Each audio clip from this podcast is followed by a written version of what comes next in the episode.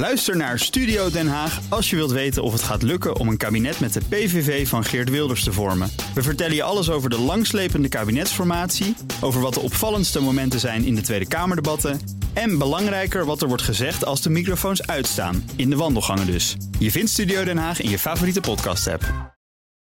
Altijd en overal op de hoogte blijven. Download de gratis BNR-app. BNR Nieuwsradio. BNR breekt. Ivan Verrips. Goedemorgen en welkom. Vanaf half twaalf praat ik over het nieuws van de dag. Over de staat die wel eens 3 miljard aan schadeclaims zou kunnen krijgen. omdat de GGD de veiligheid twee jaar geleden niet op orde had. Hoe zinnig is het om de staat van leeg te plukken? En we hebben het over het onderwijs. Met de vraag: kan je beter studeren als je meer vakantie krijgt? Dat lijkt een soort proefproject van minister Dijkgraaf. Dat gaan we allemaal bespreken met mijn twee panelleden. Vandaag Laura Bas, publiekspreker, Gen Z-expert. Goedemorgen. Goedemorgen. Fijn dat je er bent. En Joris Hetterscheid, voormalig voorzitter van de Jonge Democraten. Goedemorgen. Goedemorgen. Goed dat je er bent. We beginnen met. BNR breekt. Breekijzer. En dat breekijzer heeft te maken met, ja, weer eens de nasleep van de verkiezingen twee weken geleden. Vanavond komt de top van het kabinet bijeen om een beetje zelfreflectie uit te oefenen. Rutte, Kaag, Hoekstra en Schouten kijken terug op die provinciale statenverkiezingen en gaan op zoek naar redenen waarom ja, al hun partijen eigenlijk kiezers zijn verloren en BBB zo groot is geworden. Ze hebben wel een vermoeden, natuurlijk, de stikstofplannen, maar ook uh, andere ja, crisisonderwerpen spelen een rol. Bijvoorbeeld uh, asiel, huizencrisis, energiecrisis, ongelijkheid, armoede. En dan hebben we ook nog onderwerpen als klimaatproblematiek. Maar gaat dit kabinet al die problemen ooit vlot trekken? Is het eigenlijk realistisch om dat te verwachten? Ons breekijzer vandaag is: Rutte 4 kan de grote problemen van deze tijd niet meer oplossen. Wat denk jij? Ben je het ermee eens? En denk je dat het uh, ja, definitief gedaan is met de huidige coalitie? En dat alleen een andere groep partijen de problemen van deze tijd kan aanpakken? Of misschien ben je het oneens en vertrouw je erop dat Rutte 4 nog wel wat voor elkaar kan krijgen? Ze hebben nog een tijdje. En bovendien, wie moet het anders doen? 020 468 4 keer 0 is ons telefoonnummer. Nu bellen, kom je zo meteen in de uitzending 020 468 4 keer 0 En je kan ook van je laten horen via onze Instagram-pagina, daar heten we BNR Nieuwsradio. Even stemmen, hoor je over een minuutje of twintig een tussenstand. Leukste is bellen 020 468 4 keer 0 Zometeen hoor je hoe Laura en Joris erover denken. Maar ik begin bij uh, twee andere sprekers, bij Nisco Dubbelboer. Hij is van Meer Democratie, ook oud Tweede Kamerlid bij de PvdA. Goedemorgen, Nisco.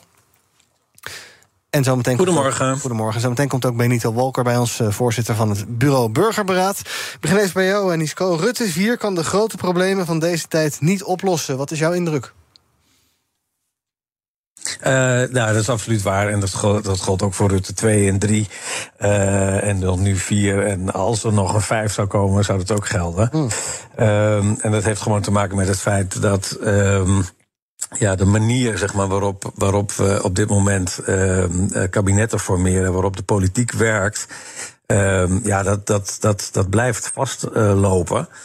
Uh, en, maar goed, we gaan straks wel even, denk ik, in op uh, hoe we dat anders zouden kunnen doen. Maar ja, ik, ik was erg onder de indruk van een boekje van Herman Cenk Willink laatst. Die zei, kan de overheid de crisis nog aan? En eigenlijk is zijn conclusie, nee, dat kan het niet, want het creëert die crisis uh, zelf. Ja, en dat, en dat heeft te maken met, uh, met, met, met, ja, met de manier waarop we de politiek georganiseerd hebben. Ja, en is dat wezenlijk veranderd de afgelopen jaren? Was dat uh, 20, 30, 40 jaar geleden anders en beter? Ja, kijk, 20, 30, 40 jaar geleden zat je natuurlijk nog iets meer in een, in een verzuilde samenleving. Waar de toppen van de, van de zuilen met elkaar uh, dealden. En dat zag je ook terug in de drie uh, steeds uh, wisselende coalitiepartijen. Uh, die allemaal groot genoeg waren om met z'n tweeën zeg maar, kabinetten te kunnen formeren. En soms moest er dus een derde bij aansluiten. Maar nu is dat echt uitzondering. Ja. En partijen, de grootste partijen zijn, uh, ja, zijn, zijn relatief klein. Hè? Dus uh, we zien een heel versplinterd uh, landschap natuurlijk in, in de politiek. En op zich hoeft dat niet zo erg te zijn, maar echt grote partijen zijn er niet meer. Ja. en af en toe is er dan weer een uitschieter. En dat zie je dan nu met BBB. En we hebben het ook natuurlijk de vorige keer bij de Provinciale Staten gezien met Forum voor Democratie. Maar ik zie dat soort uitslagen overigens en dat soort verkiezingen zoals provinciale staten meer als een, als een referendum over dan levende onderwerpen. Ja. En is voor mij ook het bewijs dat we gewoon, uh, gewoon een goede referendumwetgeving moeten hebben. waarin mensen op onderwerpen veel vaker ook hun mening kunnen geven. Hm. Laten we het over dat referendum zo meteen nog even praten. Want dat is inderdaad iets waar meer democratie zich ook voor inzet. Uh, Benito Walker, zei ik al, voorzitter van het Bureau Burgerberaad. Goedemorgen. Goedemorgen. Ons breekijzer Rutte 4 kan de grote problemen van deze tijd niet meer oplossen. Wat is jouw indruk? Nou, ik denk dat een, een, steeds groter wordende groep in Nederland er wel op die manier over denkt. Ik denk dat we dat in de verkiezingsuitslag hebben gezien. Maar we zijn natuurlijk signalen die we al langer zien. In de atlas van afgehaakt Nederland en op veel verschillende andere manieren. Dus ik denk zeker dat, uh, dat we dat moeten constateren. Ik denk echt dat wij Rutte 4 uh, allemaal moeten helpen om ervoor te zorgen dat we met elkaar wel weer de grote problemen van deze tijd kunnen gaan oplossen. Hoe kunnen wij Rutte 4 helpen? Op heel veel verschillende manieren. Ik hoorde net al het referendum voorbij komen. Ja? We hebben natuurlijk een burgerberaad, is daar ook een voorbeeld van. Ik denk dat het vooral heel belangrijk is dat burgers zich meer gehoord zullen voelen. Ik denk dat iedereen daarvan profiteert. Het openbaar bestuur, individuele burgers. En um, ja, dat is echt heel belangrijk. En geen monster naar de maaltijd. Dus mhm. echt voordat de maatregelen bedacht worden. Um, ja, zo kunnen wij uh, niet alleen Rutte 4, maar de hele samenleving uh, vooruit helpen. Ja, maar Benito, we gaan toch al eens in de vier jaar voor de Tweede Kamer... en eigenlijk nog vaker, want je hebt inderdaad ook de gemeenteraad... en de Provinciale Staten en de Europese, Europees Parlement... we gaan al best wel regelmatig naar de stembus. Maar je zegt dus daarna zou je uh, nog steeds met mensen in gesprek moeten blijven... bijvoorbeeld via zoiets als wat jullie nou ja, faciliteren, zo'n burgerberaad. Zeker. Ja. ja. Waarom dan? Want ja, ik kies toch al die mensen. Waarom moet ik me daarna nog steeds met van alles en nog wat bemoeien? Nou, ik denk dat een steeds groter wordende groep uh, uit de samenleving het gevoel heeft dat uh, één keer in de zoveel tijd naar de stembus gaan niet voldoende is. Mensen willen echt meepraten, meedenken. En dat is ook nodig. Als je kijkt naar de uitdagingen van deze tijd. Ik denk dat we ook niet kunnen of moeten verwachten van, van uh, alleen maar het openbaar bestuur dat zij het voor ons gaan oplossen. Mm -hmm. Dat willen mensen ook niet per se. Mensen zijn echt bereid om mee te denken. Mensen hebben de kennis de ervaring om mee te denken. Dus in plaats van dat we zeggen, we stemmen toch al... en dat we het bijna als een bedreiging zien van... oh, gaan we er nog meer dingen naast doen... zou ik zeggen, volgens mij is het een hele krachtige aanvulling... om het hand in hand te laten gaan. Dus inderdaad, die verkiezingen, inderdaad het openbaar bestuur... de Tweede Kamer, maar juist ook daarnaast burgerberaden, referenda... om gewoon echt actief met elkaar te blijven nadenken over waar het heen moet met Nederland... en hoe we dat samen kunnen vormgeven. Laura, Rutte 4 kan de grote problemen van deze tijd... Ja, wacht, wacht even, Nico, kom zo bij terug. Sorry, nou ja, even aansluitend op wat Benito zegt, want hij heeft helemaal gelijk. Maar het blijkt ook uit, hij noemde al even de atlas van afgehaakt Nederland... heel veel, heel veel stemmen worden in het beleidsproces uh, niet gehoord... en niet voldoende gehoord. En, de voelen, en dat, dat, dat voelen mensen donders goed...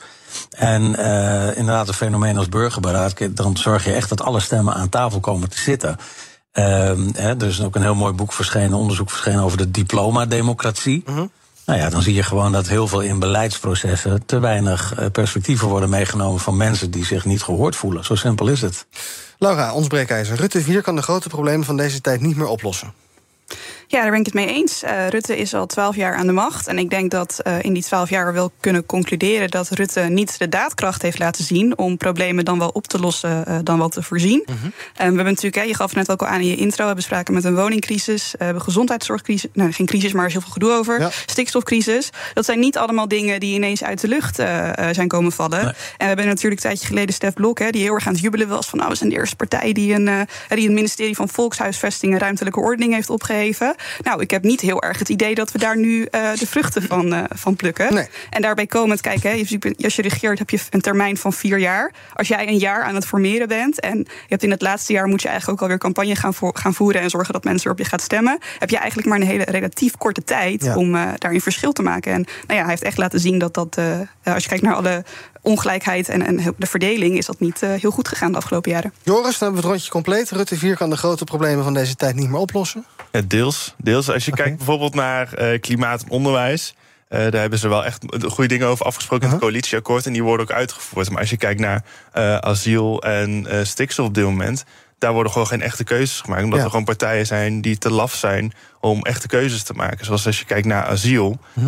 Um, er, liggen nu zo, er komen nu zoveel mensen binnen en die liggen allemaal op straat. Want er is geen goede opvang, er is geen uh, goed systeem om, voor een goede doorloop. Dat al die mensen, die worden dus niet goed geholpen, die, die zijn er te lang. En dan zeggen partijen zoals VVD en CDA, dan moeten instroom verminderen. Nee, ja. jij moet zorgen dat zij sneller door die keten heen kunnen. Dat we de juiste mensen weer weg kunnen sturen. En dan de andere mensen je op kunnen vangen. Hetzelfde bij stikstof. Is de Tweede Kamer een afspiegeling van wat wij willen? Denk je dat mensen die bijvoorbeeld uh, die VVD stemmen, dat die uh, nou willen dat? Hè, Rutte heeft gezegd, ja, ik ga eens nadenken over goh, uh, wat voor ideeën zouden we kunnen doen om die instroom te beperken. zijn dat mensen die daarop stemmen die dan denken van, nou, weet je, ik vind het wel prima, laat dat maar lekker aansudderen. En dat we eigenlijk dus zelf de schuldigen zijn van dat al die problemen niet opgelost worden? Ja, ik denk dat het, kijk, rondom asiel, het klinkt natuurlijk heel erg sexy om te zeggen, we, we gaan de instroom verminderen. Maar zo werkt het natuurlijk niet. Kijk, mensen die bijvoorbeeld, nou ja, ik zit er bijvoorbeeld heel erg in en ik volg de politiek. En mhm. mensen die bijvoorbeeld niet de politiek volgen, denken van ja, al die asielzoekers pakken mijn huis af en uh, die, die grenzen moeten dicht. Maar ja, dat is zo, in de praktijk gaat het natuurlijk heel anders. En in de praktijk is het zo dat mensen uh, jaren in, in zo'n keten zitten te wachten tot zij door kunnen. En of, of eventueel naar huis worden gestuurd of mogen blijven. En als dat veel sneller gaat, dan heb je die doorloop ook veel beter. En dan is het niet zo dat dat, dat, dat is helemaal niet zo dat asielzoekers iemands huis afpakken. Ja. ja, het is ook de vraag: is het een asielcrisis of is het een opvangcrisis? Het is een opvangcrisis, ja. ja. Ja, Nico, voordat we naar de bellers gaan, uh, die afgehaakten. Wie zijn dat? Zijn dat mensen die uh, niet in het Haagse plaatje passen van... Uh, nou, wit, hoog opgeleid, liefst man. Nou, als het een beetje... mevrouw kan ook nog. maar zijn, zijn dat... ja? ja? Het, het, het, het, ligt wat subtieler in die zin dat het uh, niet zo gemakkelijk die scheidslijn te trekken is. Maar goed, er, is ondertussen wel zoveel onderzoek gedaan. Ik was gisteravond nog in een debat in Amsterdam Zuidoost. Uh, want daar is het opkomstpercentage altijd heel erg laag. Nou, er was een onderzoeker van de onderzoekster van de Universiteit van Amsterdam. En die zegt ook van, gewoon, weet je, het is helemaal niet zo. Uh, het, het, het, zit hem voornamelijk in opleidingsniveaus. Ja. Dat mensen die uh, meer praktisch opgeleid zijn, die zich over het algemeen erg weinig gerepresenteerd zien en weinig gehoord voelen. Nou, ik doe ook een project in uh, Groningen, in Oost-Groningen, in de Veenkolonia. En daar, daar hoor je dezelfde verhalen. Nou, we hebben natuurlijk gezien met het Groningen gas, hè, dat het ook nu erkend wordt dat die Groningers allemaal een beetje te veel in hun lot zijn overgelaten, niet serieus genomen, niet gehoord. Nou, en dat werkt natuurlijk door uh, in, in de manier zeg maar, waarop dan in Den Haag beleid wordt gemaakt. En dat moet echt veranderen. Plus het feit, en, en, en Laura wees daar volgens mij ook al een beetje op, is dat uh, beleid wordt vaak in een korte termijncyclus uh, gemaakt. En mhm. natuurlijk altijd met het geheig van de potentiële kiezer in, in de nek van de politici. En dan is zo'n oplossing waar, waar Benito mee komt met zo'n burgerberaad, is toch wel heel erg interessant. Want daar zitten geloten mensen die vanuit verschillende perspectieven gewoon met elkaar om tafel gaan zitten om oplossingen te bedenken. Zonder dat ze een achterban hebben waarmee ze per definitie rekening moeten houden. Ja. Nou, en dat soort manieren moeten we echt veel meer gaan toepassen. En gelukkig gebeurt dat ook wel, zeker op lokaal niveau, maar ook landelijk. Jette wil nu wel een burgerberaad over het klimaat uh, opzetten. En het parlement uh, buigt zich daar nu over. Nou, dat zijn wel belangrijke ingrepen om die, om die cultuur van verandering en van de grote uitdagingen, waarbij de klimaatcrisis natuurlijk wel een van de grootste is, om dat goed te kunnen aanpakken. 020 468 4 0 Rutte 4 kan de grote problemen van deze tijd niet meer oplossen. Albert Jan, goedemorgen. Hey, goedemorgen. Zeg het maar. Hoi. Uh, ja, nee, dat gaat hem totaal niet door. Dat kunnen ze niet oplossen. En um, um, wat ik, waar ik van mening ben, van ben, is ik denk dat het draagvlak, maar in, in, in de uh, instanties die het moeten uitvoeren, in de ambtenaren, dat dat er ook helemaal niet is. Die mensen die, die, die, die, die, die, die, die dat allemaal moeten doen, die geloven er ook helemaal niet meer in. Die het beleid moeten uitvoeren? Ja. Ja, die hebben er geen vertrouwen in. Oké, dank voor het bellen. Gaan we zo nog even bespreken. Jan, goedemorgen. Goedemorgen, Ivan. Nou, ik ben het uh, ook eens met uh, de stelling. Uh, Rutte gaat het niet meer kunnen oplossen. ze hebben er ook al dadelijk als de huidige termijn, als ze hem uitzitten, erop zit, hebben ze er 14 jaar aan kunnen werken om allerlei problemen in dit land op te lossen. Is niet gebeurd. dat burgerberaad lijkt me een heel goed idee. Alleen die zullen dan wel een bepaald mandaat moeten krijgen. En het moet niet zo gaan als met de referenda die we in het verleden hebben gehad. Want vroeger was natuurlijk D66, die hebben het referendum geïntroduceerd. Alleen op het moment dat het ze niet meer uit kan, hebben ze het weer afgeschaft. Mm ja, dus het moet wel enige, enige zwaarte krijgen dan. Dankjewel. Rob, goedemorgen. Goedemorgen, Ivan, met Rob Christenwild. Ja, ik ben het volledig eens met de stelling. Maar ik denk dat we kunnen wel andere politici komen. Maar ik denk dat ons hele ambtelijke uh, overheidsapparaat niet meer op berekend is om uh, complexe problemen op te lossen. Hm. De bezuinigingen is alles erop gericht om zo efficiënt mogelijk routinematige taken uit te voeren. En zodra er iets gebeurt wat buiten de routine valt, dan komen we in de problemen terecht. We hebben dat bijvoorbeeld gezien met de vaccinatie, waar we bijvoorbeeld met Bulgarije streden om de laatste plaats. Maar het is ook zo, het bestuur is te veel gepolitiseerd. Je ziet overal zie je politici zie je aan het roer. Een goede politicus is per definitie nog geen goede bestuurder. En ook de cultuur. Er is te weinig vrijheid om op lager echelon in de overheid problemen flexibel met een mandaat op te lossen. Dat zie je bij de toeslagenaffaire, dat zie je bij Groningen. En je ziet eigenlijk operationeel dezelfde problemen als bij het leger van Poetin. Er is te weinig ruimte voor, voor, eh, voor initiatief en flexibiliteit om, om op lager niveau problemen op te lossen. En er ontbreekt ook de deskundigheid voor, in mijn optiek. Dankjewel. Ja, voor het leger van Poetin gaan we het een andere keer weer hebben. En tot slot van dit blokje even John. Goedemorgen John, of John. Ja, goedemorgen. Ja, ik vind het ook. Uh, ik denk dat niet dat ze het op gaan lossen. Uh, Rutte 4 is bijna uh, hetzelfde als Rutte 3. Uh, van tevoren, als er verkiezingen zijn, uh, dan wordt er al gezegd: uh, er worden partijen uitgesloten waar we absoluut niet mee samen gaan werken. Niet dat dat mijn voorkeur heeft over de partijen waar ik het nu over heb. dan vind ik ook dat mensen die lid zijn van een partij en je kiest daar op een gegeven moment voor, dat je niet in, die, in het tijdbestek van vier jaar uit de partij kan gaan en een eenmansfractie op kan richten. Ja. dat systeem zou moeten veranderen. Ja. Want daarom krijgen we ook alle versplintering. En omdat dat vertrouwen weg is, zijn nu heel veel mensen naar de BBB gegaan om, uh, om daar een tegenstem uh, in te geven. Want je moet wel vertrouwen geven als je, als je een partij hebt, dat je uh, ervan uitgaat dat je vier jaar bij die partij aangesloten blijft en niet een eenmansfractie op gaat richten. John, dankjewel voor het bellen. BNR breekt. Ivan Verrips. Met vandaag in mijn panel Joris Hetterscheid, voormalig voorzitter van de Jonge Democraten. Laura Bas, publiekspreker, Gen Z-expert. En ik praat ook met Nisco Dubbelboer van Meer Democratie. En Benito Walker van het Bureau Burgerberaad. Hij is de voorzitter daar. Benito, als ik dit zo hoor, als ik uh, jullie zo hoor, als ik mijn gast in de studio zo hoor, als ik mijn bellers zo hoor, dan denk ik, uh, Rutte kan de boel beter opdoeken vanavond. nou, ik, ik, zou daar toch wel iets over willen zeggen. Want ik denk, het gesprek gaat heel vaak over uh, nieuwe verkiezingen, uh, Rutte die weg moet. En ik denk dat we daarmee ook niet zullen bereiken wat we zo nodig hebben. Wat we nodig hebben is vertrouwen in het systeem, vertrouwen in de overheid. En de overheid is meer dan alleen Rutte of meer dan, hè, meer dan alleen de vicepremiers. Mm -hmm. Dus er is ook een taak voor Den Haag om ook te kijken naar die afrekencultuur. Om het elke keer maar weer te hebben over opstappen. We moeten vooral kijken naar de oplossingen. En opstappen is volgens mij voor niemand een oplossing op dit moment. Nee, dus die politiek mag ook wel wat constructiever. Het is nu vaak, ook als je bijvoorbeeld naar Kamerdebatten kijkt, die zijn voor een groot deel zijn die, nou ja, om filmpjes te knippen voor de socials en om elkaar een beetje vliegen af te vangen. Daar zit toch weinig, regelmatig niet heel veel productief tussen. Nee, zeker. En, en ik denk dat dat echt beter moet. En ik denk dat het, het feit dat er zoveel mensen die normaal gesproken niet zijn gaan stemmen, die op BBB hebben gestemd, maar dat zagen we natuurlijk ook bij FVD, mensen die gewoon echt een soort proteststem uitbrengen. Ik denk dat dat aantoont dat het vertrouwen in, in ons democratisch systeem, dat dat nog groot is. Maar dat het gaat om uh, de invulling daarvan. En dat we echt moeten kijken naar hoe kunnen we dat als brede politiek beter vormgeven. Dat we ook meer onze fouten durven erkennen. En vooral met elkaar gaan kijken hoe maken we het beter. In plaats van hoe kunnen we mensen zo snel mogelijk naar huis sturen. Ja, Daar schiet niemand iets mee op. Laura Nisco zei net, had het net over die afgehaakte. En uh, ik vond het wel mooi hoe je dat schetste. Dat dat dan mensen zijn die, ja, die, die, die, uh, die, die, zijn niet vertegenwoordigd. Dus die worden ook niet gehoord. En die, die zitten in een soort visueuze cirkel waarbij die mensen eigenlijk nooit aan bod komen. Hoe kan je dat nou doorbreken? Klopt, ja. Ik vond uh, wat Nico net zei ook heel interessant over die burgerraden. Ja? En jij gaf net aan, je, zei, je vroeg net van ja, maar we gaan al één keer we gaan dan ieder jaar stemmen. Mm -hmm. Hoe draagt dat dan bij? Maar ik denk dat, als, denk dat iedereen dit herkent. Dat als je gaat stemmen, dat je dan zegt: Ja, ik ben het eigenlijk met niemand echt eens. Ja. Maar ik stem maar op de partij die, die de meeste dingen waar ik dan wel eens mee ben. Maar ik denk juist voor die dingen waar je het niet eens over bent, daar zijn burgerraden natuurlijk heel erg interessant voor. Want -hmm. daar kan jij dan wel je stem laten horen. Zeggen van goh, ik heb op jullie gestemd, maar dit en dit en zus, daar ben ik het niet mee eens. Of ik vind wel dat jullie meer woningen moeten bouwen. -hmm.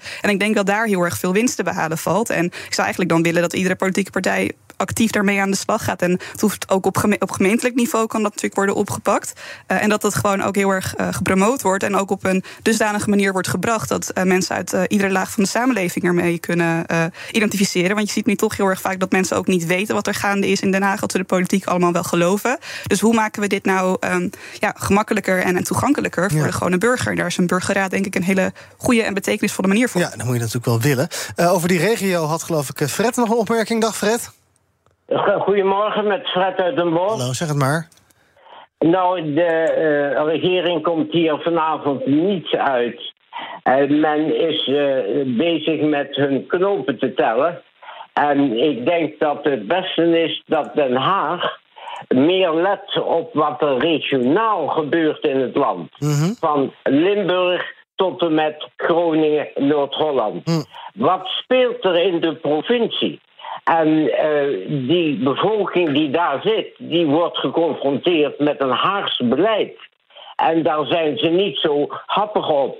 Want de problemen blijven zich maar opstapelen. En we hebben 22.000 wachtenden voor een verpleeghuis. De minister zit met zijn, met zijn, met zijn handen in de haren. Mhm. En kijken op dit moment naar het uh, Academisch Medisch Centrum. Naar een soort wijkkliniek. Men is bezig allerlei gaatjes te vullen en, uh, en pleisters te plakken. En ik ben voor een regionale aanpak Ja. van de problemen met uh, aanpassing van de referenda-wetgeving. Ja, en dan, Fred, dan da- zit je op het goede spoor. Dankjewel voor het bellen. Dus jij zegt minder top-down en meer bottom-up... om maar eens een paar hele lelijke woorden te gebruiken. Nisco, goed idee om te zeggen van we gaan... eh, Den Ja. Haag- want, want nu is eh, ook met dat stikstofbeleid... Den Haag probeert het te bedenken en dan mag de provincie het gaan uitvoeren. Misschien zou je het andersom moeten Ja. doen. Nou, dat is zeker. Er er is ook een mooie term voor. Dat heet lokalisme. Is dat je inderdaad kijkt van wat kun je zeg maar van beneden af. Hè, wat leeft er? Wat leeft er binnen gemeenschappen? Welke ideeën leven daar? En hoe kun je dat dan daar ook de besluitvorming zoveel mogelijk neerleggen? En dan steeds hoger naar, naar hoger laten opborrelen, zal ik maar zeggen. Maar goed, dat vergt nu te veel tijd om uit te leggen. Maar het is wel een heel interessante gedachte. En die meneer heeft wel gelijk. Want is- we weten ook dat mensen, en juist ook weer die mensen waar we het over hebben, die zich niet zo goed gerepresenteerd voelen en gehoord voelen, dat die eh, wel heel erg betrokken zijn bij hun eigen eh, omgeving en leefomgeving. Ja, en als je daar begint met zeggenschap te organiseren. En mensen zich ook eh, eh, veel beter gehoord voelen en gaan ze ook meer vertrouwen krijgen in het hele politieke systeem. Ja, toch, joh? Overigens heeft Benito wel gelijk. In, in de democratie als zodanig, het stemmen, het, het mogen zeggen wat je wil en dat soort dingen, daar is vertrouwen heel groot in.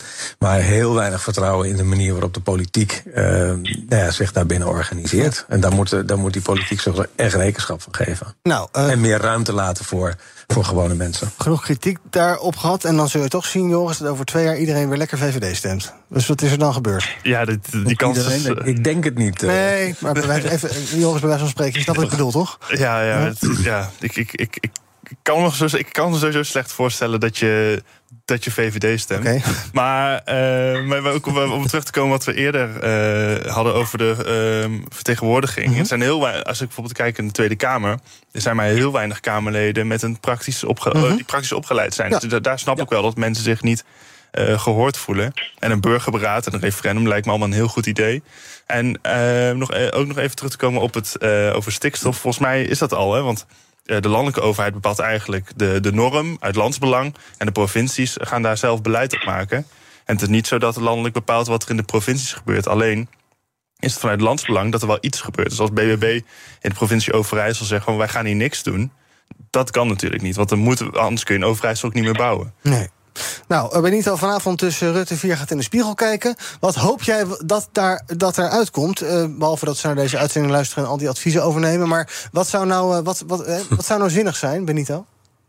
Nou, ik denk dat het heel zinnig zou zijn als het kabinet zich zijn oor te luisteren legt bij al die mensen die hun ontevredenheid hebben geuit over het huidige kabinet. En eh, dat niet alleen ziet als een afrekening, of dat niet ziet als een afrekening, maar een oproep om gewoon beter te luisteren. Daar gaat het echt om. Beter luisteren. Voer dat gesprek.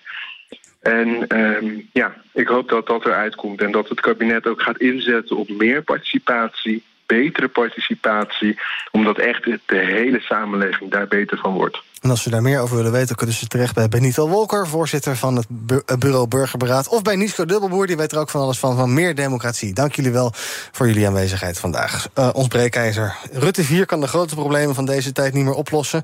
Het zal je misschien niet verbazen, maar op Instagram is eh, 85% het daar ook mee eens.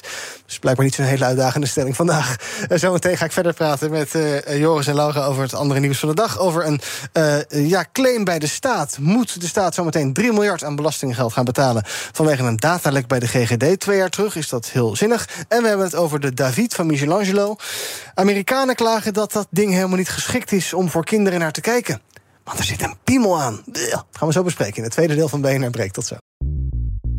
Bij BNR ben je altijd als eerste op de hoogte van het laatste nieuws. Luister dagelijks live via internet. Bas van Werven. En heel langzaam komt de zon op rond dit tijdstip. Je krijgt inzicht in de dag die komt op BNR, het Binnenhof in Nederland en de rest van de wereld. De Ochtendspits. Voor de beste start van je werkdag. Blijf scherp en mis niets. Blijf scherp. BNR Nieuwsradio. BNR breekt. Ivan Verrips. Welkom terug in mijn panel vandaag. Laura Bas, publiekspreker en Gen Z-expert. En Joris Hetterscheid, voormalig voorzitter van de Jonge Democraten. En wij gaan praten over het nieuws van de dag. Vijftien onderwijsinstellingen gaan hun onderwijsjaar slimmer inrichten... om zo de werkdruk te verminderen. Onder andere bij eh, personeel dus, maar ook om eh, studenten wat eh, ademruimte te geven.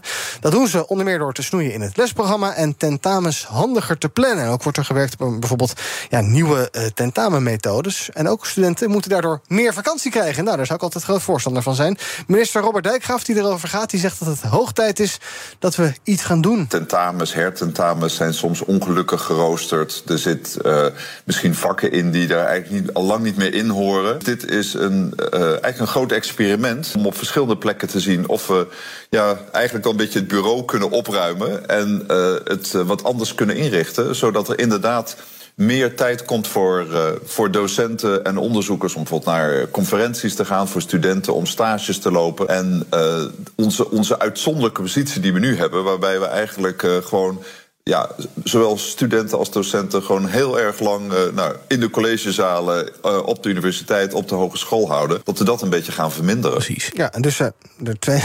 Bas van Werven was er ook nog. En dus zijn er 42 projecten en allerlei instellingen die van, van alles en nog wat meedoen. Maar als ik dit zo lees, ik heb ook het persberichtje voor me van het ministerie van OCMW, dan denk ik toch vooral, er moet minder gaan gebeuren, Laura. Maar is dat wel zo verstandig? Nou, laat ik vaststellen dat ik altijd voor investeringen in het onderwijs ben. Maar als ik dit dan hoor, dan denk ik van nou, is dit nou, hebben we niet veel laaghangender fruit? Ik bedoel, hij heeft het over, hè, er moet meer ruimte komen voor stages. Ben ik het mee eens, maar uh, ik heb zelf nog niet zo lang geleden ook een stage moeten lopen. Uh, liep ik vier dagen in de week stage, verdiende ik 350 euro per maand. Kan je als student niet van rondkomen. Ging dat hele weekend ook nog werken. Dus ik had eigenlijk, en ik had dan vaak ook nog één dag in de week school. Was ik zeven dagen in de week aan het werk. Mm -hmm. Ja, als we het dan hebben over financiële druk verlagen, dan denk ik, nou, gooi dan die stagevergoedingen even omhoog. Ja.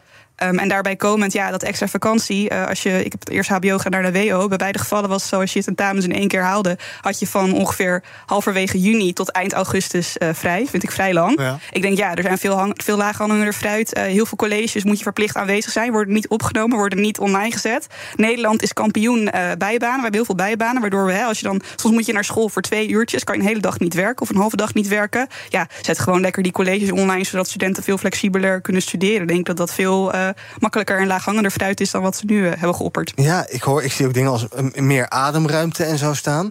Is dat allemaal zo slecht gesteld? Nou, wat ik wel inderdaad vervelend vond, is dat je dan bijvoorbeeld... Hè, kijk, ik had een mazzel dat ik in Amsterdam woonde... maar ik had ook klasgenoten die uit Den Helder kwamen... en die moesten dan, uh, waren vier uur onderweg voor een hoorcollege van twee uur. Oh ja. uh, dan denk ik, ja, dan, daar is heel veel ademruimte in... om gewoon dat college lekker online te zetten... Dat je gewoon in je eigen tijd uh, kan terugkijken. Ja, Joris, niks mis met pilots natuurlijk. Je moet altijd dingen onderzoeken, kijken waar het slimmer en beter kan. Maar Laura zegt, er is eigenlijk veel, veel makkelijker winst te behalen. Ik denk dat je beide moet doen. Ik denk dat het heel goed is dat er een pilot komt... dat je, dat je universiteiten en scholen de, de, de tijd en het geld geeft om, uh, om te onderzoeken hoe het beter kan. Mhm. Mm -hmm. En ik denk dat je daarnaast ook die stagevergoedingen en zo moet, uh, moet fixen. Ja, ik vind het echt wel goed. Ik heb op het HBO gezeten. Ik zit nu op uh, de Universiteit in Utrecht. Ja. En eigenlijk is het bij mij nu al best wel goed geregeld dat ik na elke tentamenweek heb ik een week vrij. Kan ik uitrusten. Uitslapen. En dan, uitslapen, heerlijk. En dan kan ik de week daarna begint het nieuwe blok. Dus ik heb eigenlijk al die rustweek, die heb ik. En dat is bij ons zo goed geregeld. Maar hiervoor heb en die is ook wel echt nodig. Want ik denk dat heel veel boomers, misschien ik zelf ook een beetje, zullen denken: joh, ga gewoon uh, door. Waarom moet je rustweek? Nou, ik heb toch ook geen rustweek. Nou, het is, ja. dus kijk, uh, ik kan wel een beetje mijn, mijn, mijn weekschema uitleggen. Ja. Dat op maandag heb ik uh, hoorcolleges. Uh, die, die moet ik volgen. En dan moet ik de stof snappen. Dan moet ik heel veel zelfstudie doen. Uh, en dan heb ik nog uh, vier werkcolleges. Per vak heb ik er dan twee. En die moet je ook voorbereiden. Je moet literatuur lezen. Allemaal maandag? Nee, nee, nee, nee, door de week heen. Ik oh. was, al, was al verder. Maandag echte hoorcolleges. Ja. Uh, dat is vier uur. En dat, die ook literatuur na, nalezen of, of notities maken. En dan dinsdag, woensdag, donderdag, vrijdag heb ik die vier werkgroepen. en daar, die moet je voorbereiden. En ook tijdens de werkgroepen er natuurlijk zijn en vragen stellen. En ook soms, als ik het dan nog niet helemaal snap, moet je daarna ook nog uh, stof gaan behandelen. Omdat de week daarna heb je weer een heel nieuw pakket. Mhm. En daarnaast hebben nog heel veel studenten een bijbaan. Ja, Dus het is nog best wel uh, ding. Dus het is echt wel heel fijn als je na zo'n tentamenweek... dat je echt hard hebt, hard hebt geleerd voor, dat, voor die tentamens. Even een week vrij bent en even op adem kan komen voor een nieuwe blok. Oké, ik neem mijn woorden terug, excuus. Um, ik begrijp ook dat het Nederlandse academisch jaar een stuk langer duurt dan in andere landen. Gemiddeld tot wel zo'n negen weken langer. Uh, is dat ook jouw indruk dat wij, dat wij, dat wij zo'n handje de voorste zijn als het om onderwijs gaat? Op zich een goed teken, toch? Dan krijg je veel onderwijs, veel, uh, uh, nou ja, je bent veel, veel bezig met, met je onderwijs. Ja, ik heb zelf nooit mijn studie echt als te lang ervaren. Maar wat ik dus wel inderdaad uh, aangaf, is dat ik het soms heel handig, onhandig gepland en ingedeeld vond. En je had inderdaad ook wel eens met herkansingen, wat Dijkgraaf ook zei, dat moet ik hem wel meegeven. Het is heel vervelend als jij een tentamenweek hebt en dat je dan maandag en, en woensdag een tentamen hebt. En dan dinsdag en donderdag ook nog een hertentamen. Dat is inderdaad niet handig. Nee, dat is onlogisch. Oké, uh, toch, wij presteren, ons onderwijssysteem presteert best goed. Uh, wereldwijd gezien, nou, redelijk in de top. Dus ja, dan zou je zeggen, goed natuurlijk om te experimenteren. Kijk hoe het slimmer kan, maar never change a winning team. Uh, als het goed werkt, ook uh, niet al te veel uh, weggooien, toch? Nee, dan sta je stuk. Denk je altijd moet kijken hoe het beter kan. En altijd de perfectie, streven naar de perfectie van je onderwijssysteem. Het kan altijd beter, altijd vernieuwing. zoals het online zetten, daar, ik denk tien jaar geleden. Hadden we dat, dan, toen deden we dat niet. Dus ik denk dat het heel goed is om wel met de tijd mee te gaan en echt naar vernieuwing te zoeken in het onderwijs. En ook daarin uitdagen. Want heel erg is het met dat uh, scholen het college niet online willen zetten. Omdat ze dan zeggen, ja, dan komt er niemand meer naar, naar fysiek. Maar dat is juist dan een uitdaging aan die hogeschool en universiteit. Om ervoor te zorgen dat het er fysiek bij zijn. Zoveel meerwaarde toevoegt dat mensen massaal erheen gaan. Want als mensen hun tentamens niet zouden halen zonder daarheen te zijn... dan zouden ze allemaal massaal wel weer gaan. En nog één ding, we moeten ook kijken naar vernieuwing van het mbo-onderwijs. Want daar is nog helemaal niet over gesproken. Daar gaat deze pilot ook niet over. Maar ik denk dat het ook goed is om, om, om, om die groep ook mee te nemen. Dan gaan we naar ander nieuws van vandaag. Een stichting, stichting ICAM, heeft een massaclaim bij maar liefst 35 overheidsinstanties uh, neergelegd. En ze slepen ze ook daadwerkelijk voor de rechter. Ze willen een schadevergoeding vanwege een grote roof van privégegevens... uit de computersystemen van de GGD's tijdens corona. Weet nog wel, dat was dat virus dat de hele wereld over ging. En die vergoeding die zou flink op kunnen lopen tot wel 3 miljard euro. Luister even mee naar Adriaan de Gier. Die is operationeel manager van die stichting ICAM. Er is een groot lek geweest, er zijn gegevens gestolen. Maar tot nu toe geeft men geen informatie over hoe omvangrijk dat precies is geweest. Het lek ziet op 6,5 miljoen mensen. Alle gegevens van alle mensen die in de database zaten, die zijn exposed geweest. Dus in die zin uh, raakt het iedereen. Alleen het is onzeker uh, wat er vervolgens mee is gebeurd. Ja, Jan en Alleman konden rondsnuffelen in die GGD-data. Je weet dat misschien nog wel. Uh, er is ook data verkocht van zeker 1250 mensen... waarvan duidelijk is dat die data nou ja, verkocht is... of in ieder geval weggehaald is, terwijl dat niet mocht. En nu is er dus een claim waar 133.619 mensen zich bij hebben aangesloten. Zijn jullie een van die mensen toevallig? Nee, nee. nee ik wist niet dat. Waarom niet? Want je kan er 500 euro binnenharken. Ja, als ik het wist, had ik het gedaan. Ja. nou, ik vind wel een beetje de ethische... maar kijk, vind je, van welk geld wordt die boete betaald? Dat is ons belastinggeld. Dus ik geef zeg maar nu 5 euro of 500 euro uit mijn zak... en die geef ik uh, aan jou. Daar ben ik het gewoon uh, niet mee eens. Ik vind wel, ik ben een groot fan van de trias politica. En ik vind ook zeker dat er sancties moeten komen. Ik vind dat niet dit mag. Ik vind dat er meer openheid moet komen. Maar ja, om dan... Uh, en het is ook gewoon, betekent dit dan, hè, want dat geld moet ergens vandaan komen... dat nu de kwaliteit van deze ministeries van de GGD achteruit gaan... omdat ze minder, ja, minder budget hebben. Ik heb zelf niet al te lang geleden nog buitenlandse zaken rondgelopen. Mm -hmm. En daar hadden we ook dat met heel veel experts werk je op een bepaalde begroting. En dan kreeg je ineens een politieke lobby uh, ergens uit het maatschappelijk middenveld. En die kwamen dan zo even miljoenen bij je wegharken. En dat kon echt heel erg vervelend zijn voor gewoon je, de gevolgen van jouw werk. En dat ging niet per se naar betere doeleinden. Dus dat is ook een beetje mijn vraag hierbij. Maar dat is natuurlijk eenmalig. Dus ik denk niet dat het heel erg gevolg heeft voor, voor, structurele, ja. voor structurele link. Maar ik vind het wel heel goed dat het gebeurt.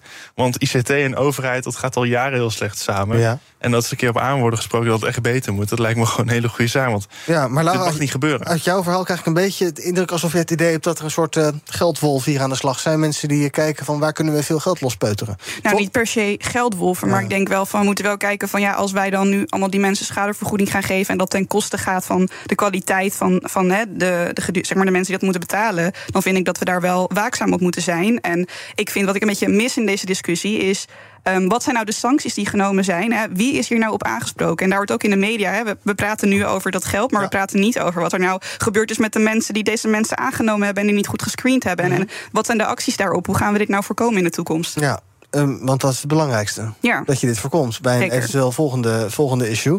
Heb jij daar vertrouwen in dat we hiervan leren van dit soort incidenten, Joris? Vertrouwen, dat is een groot woord. Ik, ik hoop het heel erg. Want ik denk, ja, ICT en overheid, dat, dat blijft altijd eh, een Ellende, ding. ja. En ik hoop wel dat ze hierna, nou, sowieso hierna, maar dat ze sowieso denken van we moeten, het moet echt beter. En dat ze echt eh, alle zeilen bijzetten om te zorgen dat het altijd veilig is. Dat iedereen gewoon veilig zijn gegevens bij de GGD kan, eh, kan laten. Ja, het is toch wel een soort nachtmerrie dat als je inderdaad bij de, ook bij de GGD überhaupt eh, voor wat dan ook eh, komt. Er zijn natuurlijk veel mensen die daar naartoe gaan voor SOA-testen en dergelijke. Ja, je wil niet dat dat dan op straat ligt. Nu is het met corona, nou ja, dat is maar goed. En een woordvoerder van die stichting zegt ook...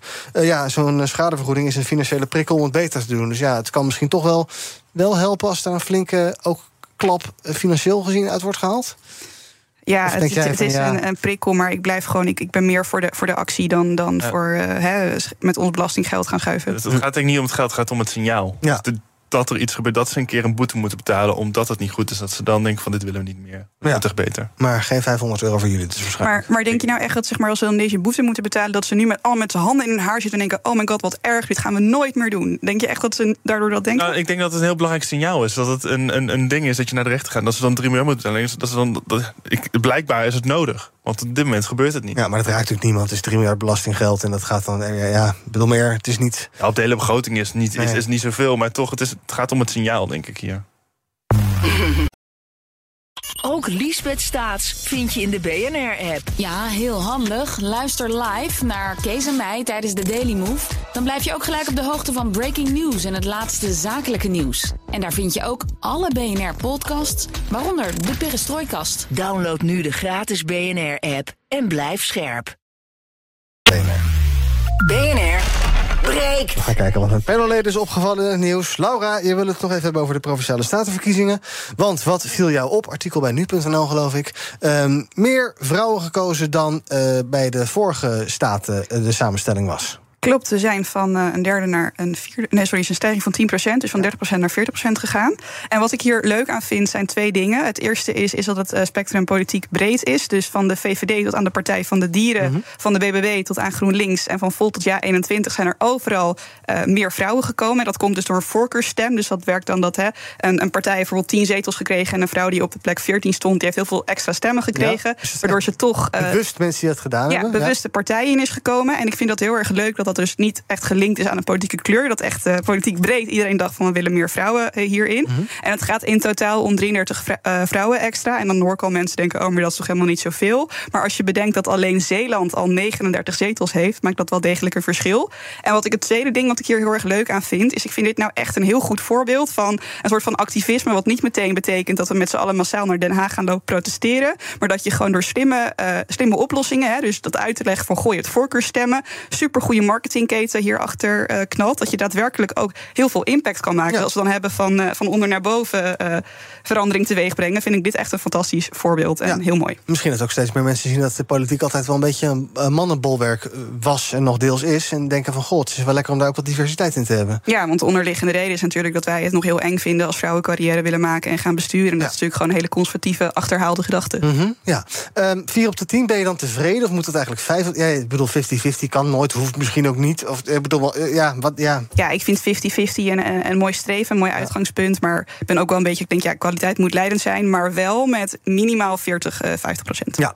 Eh, Zeeland en Brabant schijnen nog een beetje achter te lopen. Weet je hoe dat komt? Of is dat, ja... Ja, dat is gisteren misschien daar toch eh, conservatieve stroming wat groter. Ja. Eh, sluit niet uit dat ik denk dat dat eh, ook op zichzelf wel gaat oplossen. En eh, ja, ja, je ziet toch dat ook dit soort partijen stemmen op een, op een vrouw. Die zijn in de Randstad natuurlijk, hebben veel meer aanhang. Dus dat heeft er zeker ook mee te maken. Ja. Um, maar niks om eh, nu heel erg zorgen over te maken. Moeten vrouwen nog, want we hebben gisteren eh, een breekijzer gehad over eh, vrouwen en de arbeidsmarkt. Een nieuwe campagne van SZW. Vrouwen moeten meer uren werken, althans moeten worden aangemoedigd om erover na te denken. Moeten vrouwen ook meer aangemoedigd worden om de politiek in te gaan? Of zich daar bij, te betrekken? Of wat jij Zeker. zegt, dat gaat wel redelijk vanzelf? Zeker, nee. Het moet echt van twee kanten komen. Kijk, het is nog geen inclusieve cultuur. Ik bedoel, ik ben zelf ook eh, 25 en ik kan ook, ik krijg eindeloos opmerkingen, ook van mannen die bijvoorbeeld tegen mij zeiden van, ik heel veel ambities. En dan zei ik, ik wil manager worden. En dan zei gewoon een man tegen mij van... Uh, jij manager, dat hoef je echt niet... die voldoening hoef je niet uit je werk te halen, hoor. Iedere moeder is al een manager. En ik denk dat wij daar, ja, maatschappij breed... Uh, we wel even die sociale normen mogen gaan uitdagen. En vergeet niet, hè, we vinden het nog heel zielig allemaal... als een kind vijf dagen naar de opvang gaat... en dat de moeder fulltime werkt. Um, het bedrijfsleven hebben we niet ingericht. Nou, vrouwenquota hebben we dan vorig jaar gehaald... maar dat is eigenlijk was maar 30 procent. En dat ging ook nog eens keer voor de Raad van Commissarissen. Dus nou, ik kan hier wel een uiteenzetting houden van anderhalf uur van maatregelen die we nog moeten nemen. Nee, maar, niet. maar dit is een heel mooi begin. Maar ik, ik, denk ook dat sowieso de stap voor vrouwen om de politiek in te gaan veel groter is dan voor mannen. Als ik bijvoorbeeld kijk, vorig jaar toen ik voorzitter was van de ID en mijn collega voorzitter van een andere jonge organisatie was vrouw. En we waren samen bij een televisieprogramma en zij kreeg zoveel meer haat over zich heen dan ik. Terwijl we eigenlijk hetzelfde zeiden en eigenlijk ze deden allebei niks geks. En zij kreeg echt vijf keer meer haat en veel persoonlijker haat dan ik op ja, Twitter. Dat is echt heel erg gericht op je uiterlijk bij vrouwen. Je wordt daar heel erg op afgerekend. Ja, op het vrouw zijn, dat is echt heel heftig. Ja, Nee, kijk maar naar Sigrid Kaag hè, en uh, de, de bezemstil en al dat soort uh, uitspraken. Uh, tot slot, de grote winnaar van de verkiezingen.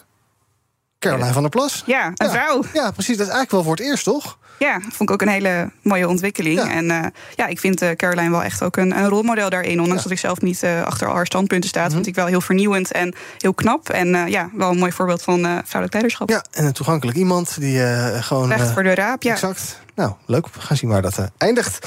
Ehm, Joris, uh, ja, uh, minder leuk nieuws uh, van de GGD. We horen al tijden onderzoek van de GGD dat het met jongeren niet zo goed gaat. Zeker in die coronapandemie niet. Ehm, mentaal gezien. En daar zijn nu weer wat cijfers op geplakt. En die zijn tamelijk deprimerend. Hè? Ja, dus voor het eerst een landelijk onderzoek gedaan. Dus een heel groot onderzoek naar de mentale gesteldheid van jongeren.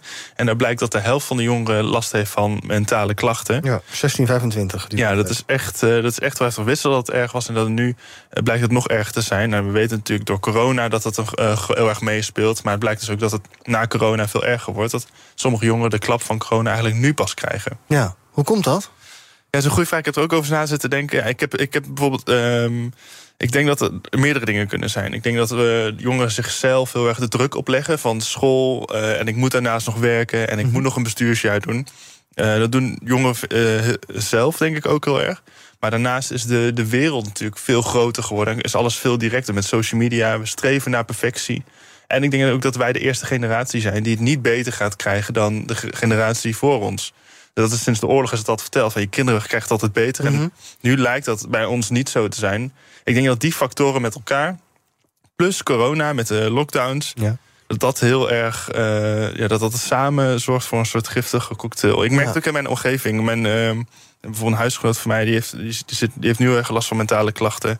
Uh, ik heb het zelf ook gehad. Uh, op, mijn, uh, op mijn 17 heb ik eerder ook verteld. En het is gewoon belangrijk dat we daarover met elkaar het gesprek aangaan. Ja. En dat dat ook faciliteren, ook als school zijn, maar ook in de familie. Ja. En de wachtlijsten bij de GGD zijn natuurlijk ook eindeloos lang. En over social media gesproken, als ik dan even vanuit mijn Gen Z-hoek dat benader, zie ik dat ook heel erg. Ik denk ook dat wij als jongeren, juist door social media, door iedereen de hele tijd het, het, leuke deel van zichzelf laat zien, alle successen deelt, ontzettend bang zijn om te falen. Tel mhm. daarbij op dat, hè, ik denk dat jij er ook over mee kan praten, iedere jongen die op Instagram zit, jongeren die op Instagram zit, die krijgt al van die reclames voor van, van die jongens die dan dropshippen en die dan hebben over een omzet van 20.000 euro. en dat dan jongeren. Ja, en dat dan jongeren niet weten wat het verschil tussen omzet en winst. Ik bedoel, dat is leuk als zij 20.000 euro draaien, maar als zij 50 euro winst, dat terzijde. Uh, maar daardoor kan je ook als jongeren wel denken. Je ziet natuurlijk hè, als, als meisje die al die perfecte lichamen, zie die ondernemers die heel veel geld verdienen, dat je echt denkt van ja, wat doe ik nou mis in, in, in mijn leven? Dat, ik dit, dat mij dit niet lukt. En dan ga je zo'n dropship cursus uh, volgen en dan faal je. En dan, nou, dan daak je heel snel in zo'n. Dat is echt dat social media, alles, alles is heel snel en die streven naar perfectie. Dat, uh, dat put uh, jongeren uit. Toch zou je ook wel verwachten dat jongeren uh, veerkrachtig zijn daarin. En ze snel weer bijveren. Maar dat valt dus tegen. Ik, ik denk dus dat, dat jongeren dat wel doen. Dat ze dat zo lang doen dat op een gegeven moment ze knakken en dan heel erg in die mentale, uh, mentale problemen krijgen. Hm. En, dat, en dan moeten ze dus nog inderdaad uh, naar een psycholoog of psychiater. Dan moet je eerst weer negen maanden op een wachtlijst staan.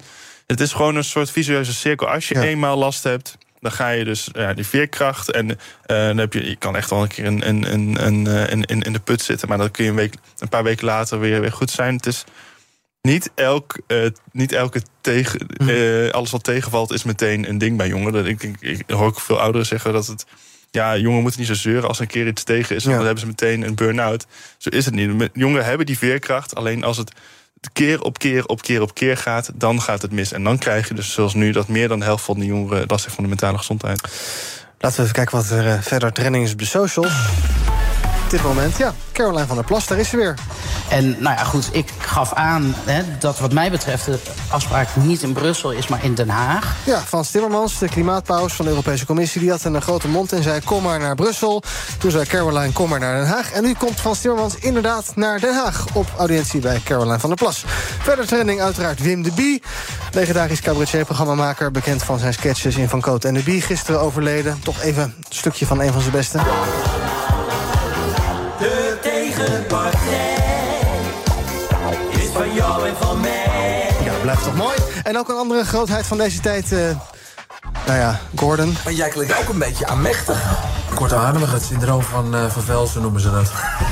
Oh, oh, oh, Heel kortademig. Oh, oh, Ik kwam laatst tegen bij het concert. Ik heb twee uur moeten kijken. Maar die was...